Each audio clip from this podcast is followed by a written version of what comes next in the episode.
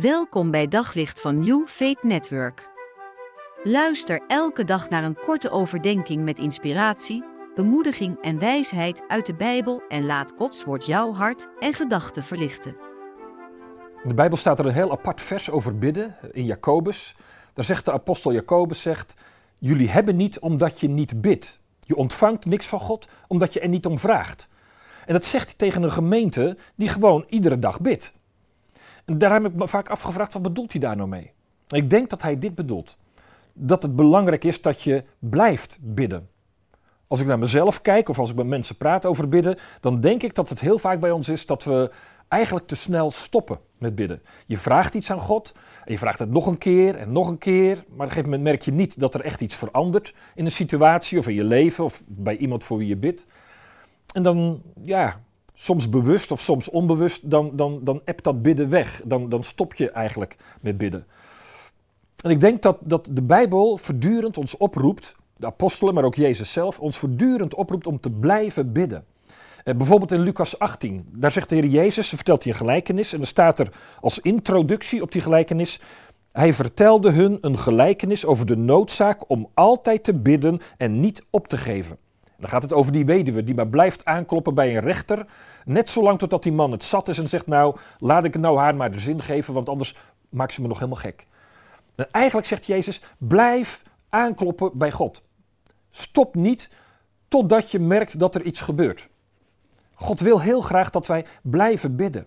Dat we blijven aankloppen. Bid en je zult ontvangen. Klopt en je zult worden opengedaan. Zoekt en je zult vinden. Iedere keer weer benadrukt Jezus dat. Blijf dat doen. Stop niet. Want als je blijft bidden, ook al duurt het lang, dan, dan, dan blijf je dus daarmee echt zeggen tegen God: Heer, ik verwacht het ook in deze situatie nog steeds van u. Ik zie geen verschil, maar ik vertrouw u en ik verwacht het van u. Ik kan hier verder niks mee. Het is natuurlijk heel vaak zo hè, dat je in, met dingen te maken hebt waar je zelf als mens niets mee kunt. Je bent machteloos. Maar juist omdat jij machteloos bent, blijf je aankloppen bij God blijf je aankloppen bij de Heer om te zeggen: Heer, wilt u het dan alsjeblieft doen? Dat is niet brutaal. Dat is niet als je zegt van nou, nu moet u dit of dat. Nee, het is juist volkomen afhankelijkheid. Ik kan het niet, ik ben afhankelijk van u. Wilt u het alsjeblieft doen? En blijf dat dan vragen. Ik weet niet waarom God soms zo lang wacht. Misschien wel om te kijken of we het echt menen. Of misschien om te kijken of we hem echt vertrouwen. Ik weet het echt niet. Wat ik wel weet is dat hij zegt: Hou niet op. Stop niet totdat je merkt dat ik op de een of andere manier ingrijp.